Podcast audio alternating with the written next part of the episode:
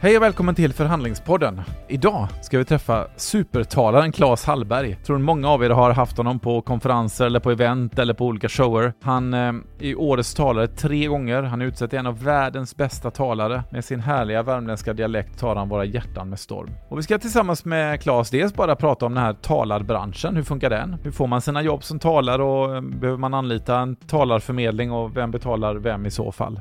Men vi ska också bli lite mer filosofiska här och eh, fundera lite kring hur framtiden ser ut. Och hur ska man förhålla sig till framtiden? Ska man vara optimist eller pessimist? Vilka metoder kan man använda? Claes har en helt unik metod som han säger kallas SNHK-metoden. Ni ska få lära er vad den innebär. Och ähm, ja, avslutningsvis ska vi också föra på hur man kan få en riktig motvals att gå med den ändå. Så låt oss hålla två tankar i huvudet samtidigt. Nu kör vi tillsammans med Claes Hallberg.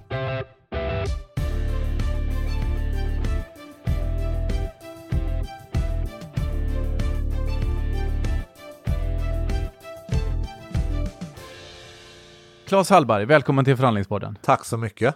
Du, eh, det bara regnar utmärkelser över dig. Årets talare har du fått tre gånger och nu en av världens nio bästa talare. Vad var det för något helt galet? Ja, det var helt galet faktiskt. Det är ju då, eh, det heter speakerrating.com och de har studerat 5000 olika talare runt om i världen och eh, då har de någon så här äh, skala av 110 olika förmågor man kan ha som talare. Och det, det kan ju vara sant eller falskt liksom, men det är i alla fall det de har kommit fram. Det är så de utgår från sin, sin så den blir så oberoende den kan då. Och då har de då konstaterat att det är bara nio talare i världen som är på den högsta nivån. Och det är då Michelle Obama, Eddie Izzard, Anthony Robbins och jag och några till. Ja, det var streck, streck på det. Man får ju ta det här med ja. någon form av nypa salt. Och det är väldigt kul att det är så nära oberoende det kan vara och bygger på förmåga.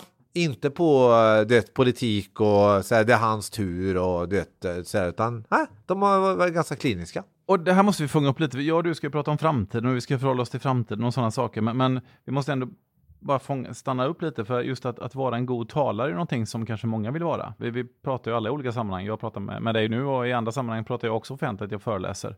Så vad har du för, hur blir man, kanske inte världens, en av världens nio bästa talare, men hur blir man en bättre talare? Hur blev du en så bra talare? Oj, nu du. Nu du. Det, det är två olika frågor där. Hur ja. blir man en bättre talare och hur blev jag det? Ja. Det är inte säkert samma sak. Nej, det inte vara. Eh, men jag tror i mitt fall mm. så har det som har varit eh, den överlägset bortom alla tvivel viktigaste ingrediensen är att jag har varit mer eller mindre besatt av nyfikenhet på min mina åhörare. De som jag just nu pratar för. Det är världens absolut viktigaste människor. Och, och den, den liksom nyfikenheten som nästan sjuklig, mm. den tror jag har drivit mig oerhört långt i hur jag har jobbat för att nå de här.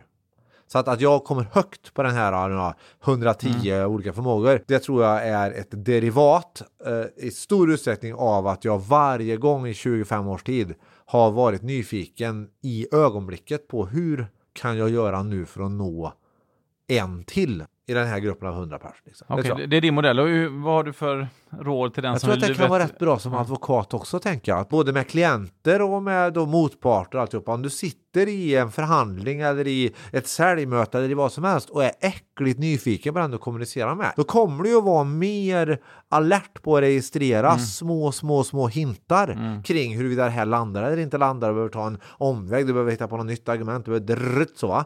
Så att eh, jag tror inte att den är helt far-fetched även för en lawyer. Nyfikenhet är ju, det är faktiskt ett av Max advokaters kärnvärden. Är det så? Så vi jobbar mycket med vår nyfikenhet. Det hade jag ingen eh, aning om. Nej, nu vet Men det. det var ju lite ja. roligt, ja. Och det tror jag för egen del, eh, ja, det är väl därför jag startat den här podden. Jag är nyfiken på dig nu och på, på andra gäster. Så det... Då har ju du scoutat mig lite grann. Du har sett mm. mig på scen, mm. vet jag, för mm. ett bra tag sedan, men ändå. Och så har du förberett dig lite grann, så du mm. har, du har liksom skapat en bild av mig. Och då tänker jag så här, det, det är det som är coolt här nu, att om du både kan scouta mig lite och mm. sen glömma bort allt du har lärt dig här och nu, då är det maximala förutsättningar för att vi ska få ett bra möte, tänker mm, jag. Men om du fastnar lite i hur du har fått för dig att jag borde vara, mm. då kommer du ju inte få ut lika mycket av mig. Det där är lite lurigt. Och det är det jag har varit bra på. Jag har liksom förberett, när jag kommer till Max och föreläser, mm. då har jag förberett mig. Jag har lite uh, idéer om hur en advokat är och jag har lite idéer om uh, vad jag ska göra och vad ni har för problematik och alltihopa. Och sen så kommer jag dit och märker att ni kanske inte är som min bild av advokat, utan ni är lite på annat sätt. Men jag har ändå haft nytta njuta av och tänka i termer av hur är det att vakna på morgonen och vara advokat. Ja. Ja, men så så att det, det, det, det är både och där, att både använda sin erfarenhet, sina fördomar, men inte fastna i dem. I think it's really important. Så är det så ifall du har Stockholmslyssnare. Ja, ta med oss det. Ja. du, eh, hur, hur, funkar talarbranschen annars? Eh, om vi, innan vi lämnar den. Får du förfrågningar själv eller har du en sån här talarbyrå som hjälper dig med uppdrag? Eller? Jag får, alltså jag har ju hållit på i 25 mm. år snart så att mm. jag, jag får ju de flesta förfrågningar direkt till mm. mig. För det finns ju något som heter Google nu för tiden. Men jag samarbetar med i princip alla eh, förmedlingar och tycker att det är, är, är as, har varit asbra. Jag får också förfrågningar via eventbolag och sådär mm. alltså, som arrangerar. Så att det, det kommer på många olika sätt. Okej, okay, okej. Okay. Och hur funkar sen bara, ja, då tar du en, en, en, fast fee för att hålla ett föredrag eller? Ja, det, så är det väl. Jag, ja. jag får en, en, en, prislapp på en föreläsning mm. på mellan en och tre timmar. Och sen kan det ju då, beroende på hur mycket förberedelser och inte kan det gå upp och ner lite grann. Det är ja. inte ner så mycket, men upp. Och om den går via en sån förmedlarbyrå så tar de en katt på det helt enkelt. Ja, ja. och det är lite olika för olika talare. Jag är då ganska besvärlig så att jag ger inte så mycket rabatt till förmedlingar, utan de får ju lägga på sitt pris. Ja, just det. Okej, okay. du, du, vill ha samma pris? Så visst kan ja, jag går ner lite grann, men det blir ändå så att eh, de får ju ta lite mer. Och det gör ju att många inte säljer mig så mycket, för de tjänar för mm. dåligt på mig sådana avvägningar. Ja, det är klart. För klart ja. Är du hyfsat bokad ändå så har du inte du någon anledning. Nej, det ja, finns liksom ja. ingen riktig anledning för mig att ge bort för mycket pengar till förmedlare. Nej. Du, ähm, ja, grattis till de utmärkelserna som sagt. Och, Tack så mycket. Ja, så, äh, om vi nyfiken tittar ut mot världen och framtiden då. Den kan man ju hamna in i ibland. Har ja. inte du sprungit in i de frågorna någon ja, gång? Men, ja, absolut. Mycket. Mm. Ja, det mm. här är ju någonting som jag äh, då snackade en hel del om och skrev om i min eh, senaste bok här mm. som jag lanserade höstas som eh, ju då har det dubiösa namnet Hela Sverige hånglar. Den handlar om att leva innan man dör, vilket jag tror är en väldigt fiffig grej. Det finns ju en del som tänker jag tar det här sen, men jag tror en högriskstrategi. Det är risk att man ligger på sin dödsbädd och så skit också. Ja, det är oklart hur mycket man får hångla i paradiset. Det kom inget mer. Typiskt. Men i alla fall, i den boken resonerar jag en del om, om det här med alltså, framtiden, för det är lätt hänt att drabbas av upplevelsen att den inte ser så bra ut. Alltså, mm. om du, jag vet inte hur det är med dig, men, men, men om, du, om jag tänker så här att om man ser ett helt avsnitt av Rapport eller Aktuellt till exempel, eller läser hela, en hel morgontidning, då då är det, jag vet inte hur det är, men, men det, jag tror inte det är så många lyssnare här som sitter och tänker, de har sett hela, hela Aktuellt och bara Ja, yes, nu det här vi. blir bra det. Nu är det fest liksom. Det, det, utan det målas ju upp en, en lite så här mörk bild då. Mm. Och, och jag fick ju för mig en otrolig upplevelse för ett par år sedan då när Donald Trump valdes till president i mm. USA. När eh, min då nioårige son för vi satt några stycken dagen efter och hade lite svårt att förhålla oss till det här. Det var Trump överallt på alla skärmar och mm. alla tidningar och vi skojade lite om så här hade lite galghumor helt enkelt. Ja, vi skojade ja. lite grann om topé och det gjorde förmodligen ingenting att han hade topé. Tänkte. Och så säger ja, det blir nog inget tredje världskrig förrän framåt sommaren i alla fall. Och så, ja. och så kom min då son på kvällen där så la han armen, eller handen på armen på mig och så säger han Ska det bli världskrig pappa?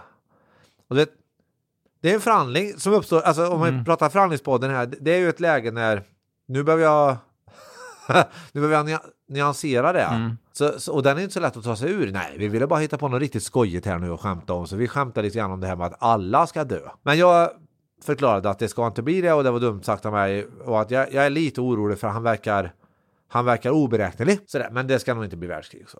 Den frågan som jag har ställt mig varje dag på riktigt, med, med något enstaka undantag sen dess, det är ju vad berättar jag för berättelser för mina barn om deras framtid? För, för jag tänker, jag hade ju en polare på 80-talet när vi var tonåringar som i tidigt 80-tal var ju mycket så här, det var, det var kalla kriget, kapprustning, Brezhnev, Reagan, OS-bojkotter och oroliga tider. Oroliga tider. Och min, min polare gick och hukade sig för sin egen framtid. Va? Mm. Jag, jag, vet inte vad du säger, men, men rent det kan man väl ändå påstå att den hukningen har han inte haft så mycket för, eller hur? Nej, så är det. Och även om det hade blivit så hade han ju inte hjälpt så mycket kan man säga, men nu blev det ju inte så heller, så det var ju mm. fullständigt i onödan. Mm. Och nu håller jag på att göra samma sak med mina barn, att de ska gå och huka sig inför sin egen framtid. Och där är ju värt att ställa frågan mm. hur det offentliga alltså samtalet ser ut. Vad, mm. vad pratar vi om? Miljödebatten kommer in där också, den är också lite åt det hållet. Miljö, den, ja, det är ja. dystopiskt, så, något så kopiöst. Uh, och, och uh, det blir därför väldigt svårt att navigera i tycker jag. Och sen har du ju hela det här med terrorismen och hela det här med bilbränder och hela det här med, du vet, vi har ju alltså på så många nivåer så mm. har vi en tendens att måla fan på väggen. Va? Mm. Och uh, utan att vi ska prata för mycket om det här så tror jag att om jag, om jag tar chansen här nu i förhandlingspodden och, och, och liksom ställa frågan till lyssnaren och till dig kanske. Hur förhandlar du med dig själv om din egen syn på framtiden? Så tror jag att det är viktigt att göra en förhandling med, med lite, så här, lite fakta och där har vi ju haft vi har haft några nu ändå genom åren som har, som har försökt säga till oss att allt som går att mäta i princip är bättre än någonsin. Det är färre som dör i krig, det är mindre våld, det är barnadödligheten bara råminskar, svälten minskar. Jag pratade med Johan Norberg som eh, skrev boken Framsteg där han har samlat så här, fakta på 200 sidor om allt som blir bättre. Vad är det folk reagerar mest på? Då sa han det är nog ändå medellivslängden. För medellivslängden nu på jorden är 71 år, globalt mm. kvinnor och män. År 1900 då var den 31 år. Troligt. För då finns det bara en fråga att ställa sig, nämligen den här. Vart är världen på väg? Mm. Ja, och, och svaret på den frågan är ju åt ett rätt bra håll. Ja. Och sen får man ju väga då, sitter säkert någon lyssnare och tänker, ja men miljön då? Ja, och där så är en, en forskare från Lund som jag följer lite grann som heter Andreas Berg. Han har skrivit bland annat en bok som heter Två filter med undertiteln, underbar undertitel. Varför du har fel om nästan allt men ändå inte vill ändra dig. Han har i alla fall studerat både optimister och pessimister. Han konstaterar att det är väldigt mycket lättare att studera optimisterna för att han hittade bara fyra. Mm. I alla fall som har, i alla fall som har skrivit böcker. Mm. Men han konstaterar att eh, ur hans perspektiv så finns det två problem med att måla världen i svart. Det ena är att eh, man får svårt att upptäcka de verkliga problemen. Om allt är elände, Precis. vad är då? Vad är elände egentligen? Vad, vad ska jag ta tag i då? Mm. Och det andra också allvarligt är att om man målar saker i svart i dagarna då blir det svårt att hitta det man faktiskt har gjort bra mm. som man kan fortsätta göra. Och här tycker jag det är, jag bestämde mig då för två år sedan att min gärning i, på scen och i böcker ska, ska ha ingrediensen att jag inspirerar folk att fundera på vad berättar, vad berättar jag för berättelser för mina barn om deras framtid? Mm. Vad berättar vi i vår familj om vår gemensamma framtid? Vad berättar vi vid fikabordet?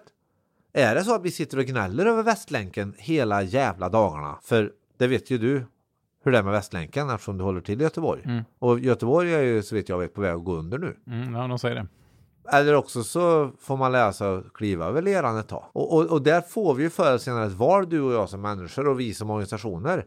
Hur ska, ska, ska, ska alltså, hur mycket av eländet ska vi låta bestämma vad vi fattar för beslut? Mm. Och hur mycket ska vi klara av på något vis att se det som är bra och våga gå dit? Mm. Och ja, man inget... har ju ett val där, hur man ska förhålla sig till detta. Någonstans mm. har man ju det va? Och det handlar ju om att inte ducka för det. Jag säger inte här nu att miljöproblemen inte finns, jag säger att vi måste ta dem på allvar. Men då kan vi heller liksom inte bli hypnotiserade av skuld för att vi inte sopsorterade ett bananskal. Nej.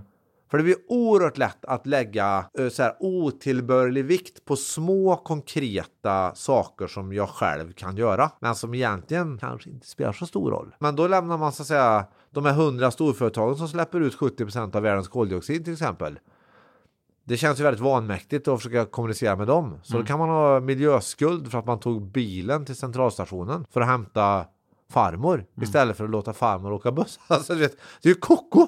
Får ju sortera lite här nu. Så är det. Så frågan är hur ska vi förhålla oss till detta? Som sagt, eh, vad ska vi berätta för story? Vad ska man, för, för egen del, jag, jag tillämpar lite, jag tror att det blir som man tänker någonstans. Det är min anledning. Jag är, jag är obotlig optimist. Jag försöker bara se positivt. Jag, ja, jag är nog lite naiv du, tror jag. Du är en hemsk person alltså. Ja, jag, jag kan nog ja. vara lite jobbig på det sättet. Ja. Um, men jag tror, och, och, jag tror att tänker du så så händer bättre saker för dig. Jag tror att det finns en självuppfyllande profetia i om du tänker positivt eller tänker negativt. Vad tror ja, du det? Ja, men jag tror att det, det, är både sant och intressant. Uh, men, men, jag tänker på Hans Rosling i den här boken Factfulness nu så kommenterar han bland annat då det här eh, med uh, våra nyhetsmedier tenderar att ha en förkärlek för, för det negativa då. Mm. Till skillnad från dig. Ja, exakt. Du och Aktuellt-reaktionen mm. har olika infallsvinklar en vanlig dag. Ja, helt klart. Ja, båda två har förmodligen rätt ur något perspektiv också. Mm, mm. Men Hans Rosling konstaterar att, att eh, han menar inte att vi ska bara byta ut alla negativa nyheter mot positiva. Det, det blir också skevt. Mm. Liksom. Han säger själv det blir som att kompensera för mycket salt med för mycket socker. Mm. Utan det som han tror är fiffigt och som jag delar uppfattningen mm. det är att klara av att hålla två saker i huvudet samtidigt. Mm. Och, och jag tror att det är väl kanske en av de största hemläxorna som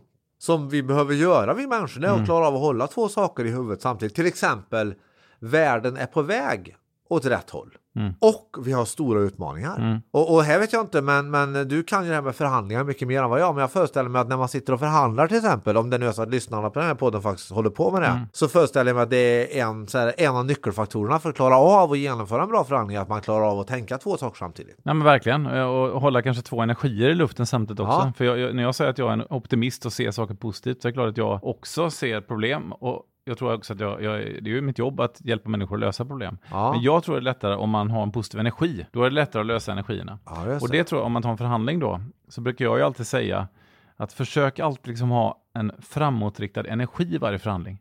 Du vet själv hur det är om du går från ett förhandlingsmöte och det, liksom, det bara bryter samman, alla går därifrån. Man får liksom känslan, nu blir det inget. Ja, just det. Det är inget bra, då, då går Det man bra, bakåt. Utan man vill ändå, vänta innan vi går nu här, det var ett dåligt möte, men nu tänker vi på det här, vi ses igen om tre dagar, så ska vi nog sy ihop detta. Energin framåt. Så har man energin framåt och samtidigt då, okej, vilka punkter har vi som vi måste lösa? Vi är inte överens om det här, vi är inte överens om det här. Så tror jag. Så jag, jag tror att det här, två tankar i huvudet samtidigt, är väldigt viktigt. Ja, Men blir inte folk asgriniga på dig då när du liksom bara säger så här, oj vad det här gick dåligt, nu tar vi tag i det på... Nej, jag, tvärtom. Jag tycker ofta, vad skönt att någon gör det. Ja, där, För ja. folk vill ju ändå ha affärer gjorda, folk vill ju ändå att världen ska fortsätta att leva. Ja. Så jag tror att, jag tror att man, man kanske inte riktigt vågar, eller, eller ja, det, det är väl till och från, men att, att någon tar flaggan och tar det framåt. Det, det är min erfarenhet bara, att det, det är bara uppskattat. Men hur tycker du vi ska göra för att hålla två tankar i huvudet samtidigt? Hur kan man träna på det? För jag, jag håller med dig, det är liksom en, det är en utmaning för oss alla. Ja, jag har ju utvecklat en metod. Ja, alltså jag har ju hållit på i 20 år eh, drygt med det här med att stå på scen, skriva massa böcker och härjat. Och jag har ju vägrat konsekvent ge verktyg. Folk är så verktygsneurotiker tycker jag. De ska ha verktyg. Och, och det är mitt fu- fullständigt tydliga budskap också. Det är risk för att om du hittar ett verktyg där du kan dela upp världen i fyra delar eller i, i så, va, så blir verktyget ditt alibi. Så här, du, du, du levererar den här strukturen men missar värdet. Men då är det inte ditt fel. Du har ändå gjort enligt processen. Så att verktyg används ofta för att ge bort ansvar från mig själv till verktyget. Ä- Eller säga så här, ja nej men jag är ju, jag är ju gul. Så att eh, därför gick inte det här. Eller han var ju röd eller något. Alltså, du vet, jaha, och who cares? Så jag är inte jättekritisk till verktyg sådär, men jag är kritisk till hur de används ofta. Men jag har nu krupit i korset, fram, en, tagit fram en helt unik metod. Spännande. Jag har då kommit fram till att ett väldigt bra sätt att öva, till exempel att hålla två tankar i huvudet samtidigt, det är att göra SNHK-metoden. Okej. Och vad innebär den? Ja, Det betyder ju sitt ner och håll käften-metoden. Okej. Det är en väldigt bra metod. Ja. Nej men allvarligt talat så tänker jag så här, rent kulturellt så är det så att förr i tiden satt vi ner och höll käften lite naturligt. Eh, vi satt och väntade på saker och ting. Alltså, eh, behöver inte gå så lång tid tillbaka så satt vi på bussen och väntade eller, eller satt vid busstationen och väntade. Vi, vi satt på toa ibland, det tog lite tid va? Och där vi var tvungna på något vis att sitta stilla med våra egna tankar. Ibland fanns det någon bok på toa och sådär va. Men nu har vi fått en mobiltelefon som gör att vi, vi liksom så fort det blir tomrum i tillvaron så är det väldigt många som matar in eh, ny information. Och därför har jag sett att behovet av att göra SNHK-metoden har fullständigt eskalerat senaste åren. Om vi nu täpper till de naturliga ögonblicken. För, jag menar, hälften av folk som lyssnar på den här podden, de sitter inte stilla med sig själva ens när de skiter. De sitter och mejlar eller kollar Facebook eller något. LinkedInar bara. Acceptera vänförfrågan, eller vad det heter, eh, nätverksförfrågan. Så därför har jag uppfunnit SNOK-metoden som bygger på att man sitter ner och håller käften och mitt förslag är att man gör det 20 minuter per dag. 360 dagar om året.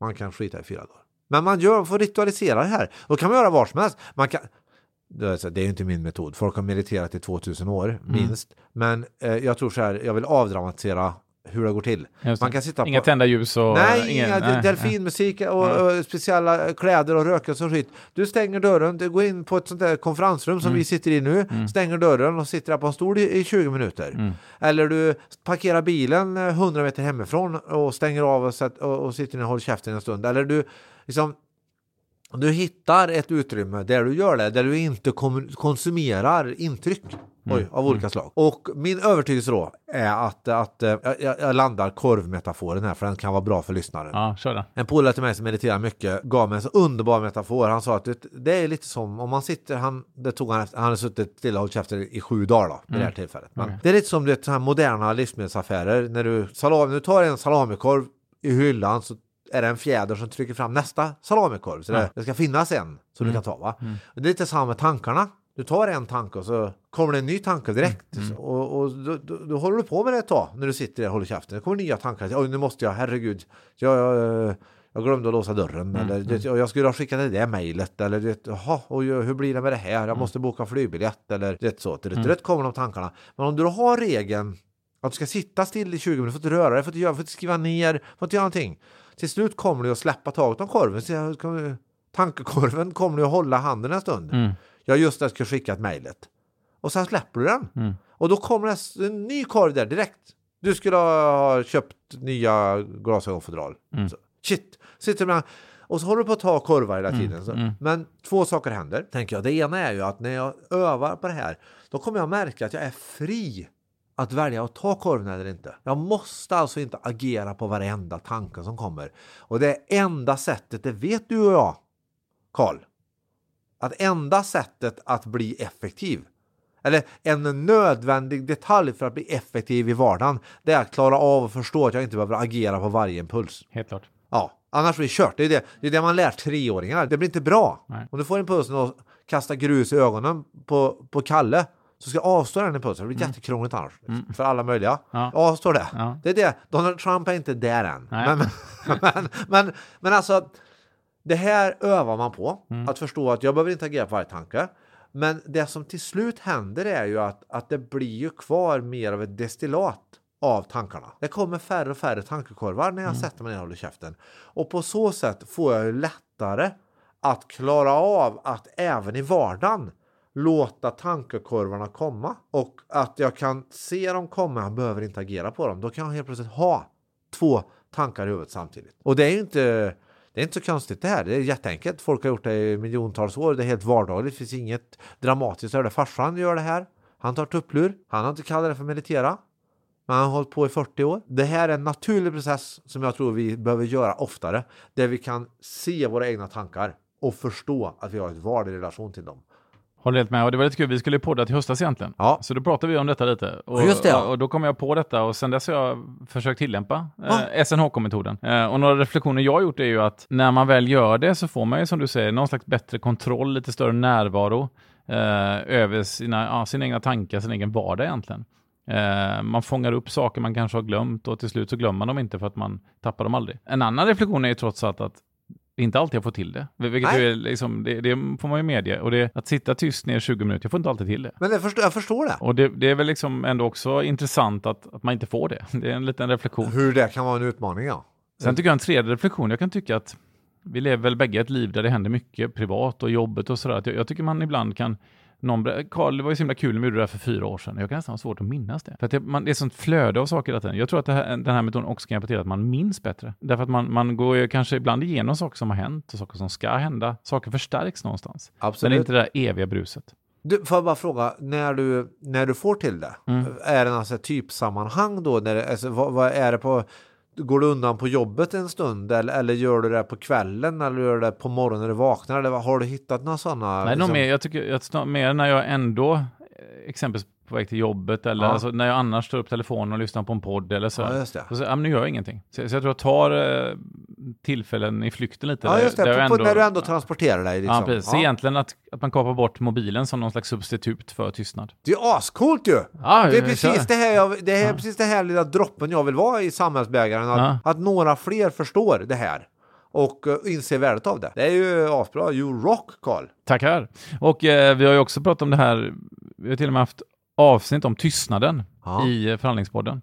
Det första avsnittet hette tystnaden. Så det är också en väldigt nyttig metod i en förhandling och i alla affärer, att man ibland ger sig tillfälle att bara, vänta lite, vad håller vi på med nu egentligen? V- vad är problemen egentligen? Eh, Är det här prestige eller vad, vad är affärens kärna? Om man bara, bara går på, går på, går på, så, så får man inte riktigt den insikten. Utan då är som du säger, de där korvarna bara kommer, men man måste styra lite och bestämma vilka, ja, vilka, vad man vill plocka ner och vad man vill bara låta försvinna. Jag tror det här är en av arbetslivets mest underutnyttjade resurser. Ja. På riktigt. Mm. Just precis det du säger. Mm. Och det är ju även om vi nu kopplar till det vi började prata om, det här med att stå på scen. Glasklart. Om du vågar låta det bli lite pauser då och då mm. så får ju det du säger ett helt annat eftertryck. Det är ju, det är ju forskningsmässigt bevisat det. Hur svårt kan det vara det här för oss? Låta det bara bli ögonblick av tystnad. Mm. Det är makalöst. Eller hur? Exakt. du, eh, härligt. Ja men det är bra, det känns som att vi har fått lite verktyg ja, och lite tankar i ja. hur vi ska förhålla oss till en eh, ljusnande framtid. Ja, det, ja, ja, det ska jag säga. Och sen så måste vi ta tag i en del av utmaningarna vi har. Såklart samtidigt. Ingen snack om saken. Uh, och uh, där måste jag modiga mm. och göra det som, uh, som är angeläget. Det gör vi genom att våga ta risker ihop och en av riskerna är att sitta stilla utan svar en stund då och mm. då. Du, um, ordet förhandling, vad är det dig för känslor? Vad får du för tankar? Vad får du för... Det är ändå ett ord som är väldigt, eh, det kan gå åt många olika håll. Utan tvekan. Någonstans är ju ändå eh, förhandling för mig, man måste välja en association så är det samarbete. För det är någonstans där. Jag, jag är ju lite som du, att jag, jag är mer lagd åt det, det optimistiska. Så jag har aldrig, jag, jag har svårt för idén om motpart. Även om man har olika intressen så ska man ju samskapa ett värde. Men det är värmlänningar och göteborgare, det är väl vi som är så, det är så är det, mysiga och härliga. Det gäller ju inte när Färjestad krossar Frölunda vill jag bara påpeka. Ja, vi, får, men... vi får se, slutspelet har inte börjat än. Du, eh, har du, vad är din dråpligaste förhandling eller någon så här kul förhandlingsminne du kan dela med dig till poddens lyssnare så här av, avrundningsvis? Det roliga, eller mest dråpliga förhandlingsminnet ändå som jag, mm. som jag kommer att tänka på det är någon från min far. Okej, okay, berätta. Som också handlar om det här med att det är en osäker framtid va. Mm. Vi vet inte vad som kommer hända och han jobbade fackligt med att förhandla mm. och skulle förhandla för en, en medlem där de hade omorganiserat eh, på två sätt på den här arbetsplatsen, en stor organisation. Och eh, de hade dels gjort öppna kontorslandskap, mm. katastrof naturligtvis. Och det andra var ju att de hade bytt datasystem. Och den här kvinnan då, hon satt verkligen kvar i, hon, hon belägrade sitt gamla kontorsrum helt enkelt. Okay. Vägrade flytta. Vägrade flytta. -huh. Och eh, vä vägrade också att använda det nya datasystemet. Utan hitta, för det, det, gamla låg kvar för att de var tvungna att mm. kunna logga in där ibland. Det, det låg kvar via någon, du kunde ta dig in i det gamla. Mm, mm. Så hon liksom tog och matade in ärenden i det gamla systemet och då mm. fick de ha en förhandling. Då mm. hade så här, där min far då pratar och hennes vägnar. Förstår. Och arbetsgivarens eh, representant sitter och säger att vi kallar henne för Gertrud. Men Gertrud, det du matar in här nu, alla de uppgifterna du matar in i det här systemet, det, det kan ju inte vi använda nu eftersom vi jobbar ju i ett annat system. Då tittade hon upp och så sa hon dö. För det säger vi nämligen i Värmland. Mm. Dö. Inte mitt problem. och min fars berättelse om hur han i det ögonblicket, hur han sitter och tänker det här blir nog svårt. Yep. det har jag någonstans haft med. Jag har använt det ibland när jag, när jag föreläser om förändringsledning. Ja. Alltså att när man har den inställningen som hon har, då kommer man att påverka systemet noll. Det vill säga, då, man får ju inte vara med då. Det går inte, utan Nej. ska du vara med och påverka systemet, då måste du också bejaka en del av den förändring som du själv inte önskar. Mm. Och jag tror faktiskt att vi alla har hjärtrud i oss ibland. Mm. Vi säger bara du, det här tänker jag inte. Och så vägrar vi ut oss. Och vi har nog inget val. Utan vi måste bejaka en del av den förändring som vi kanske inte riktigt önskar oss. Och det tror jag gäller både i smått och i stort. Inte minst med det här med att folk flyttar på jorden nu. Det är en värld vi lever på. Vi har inte nationalstater på samma sätt. Det kan vi tycka vad vi vill om. Det är massor med sådana spännande, smärtsamma transitioner där vi måste umgås med vår inre hjärtrud och välkomna någon form av osäkerhet in i tillvaron. För det är då vi kan skapa nya värden. Halleluja, jag har talat. Underbart. Halleluja är bra avslutningsord. Du, eh, Claes Hallberg, stort tack för att du kom till förhandlingspodden. Tack för att jag fick vara med. Lycka till med alla böcker och allt talande framöver. Tack så mycket. Tack.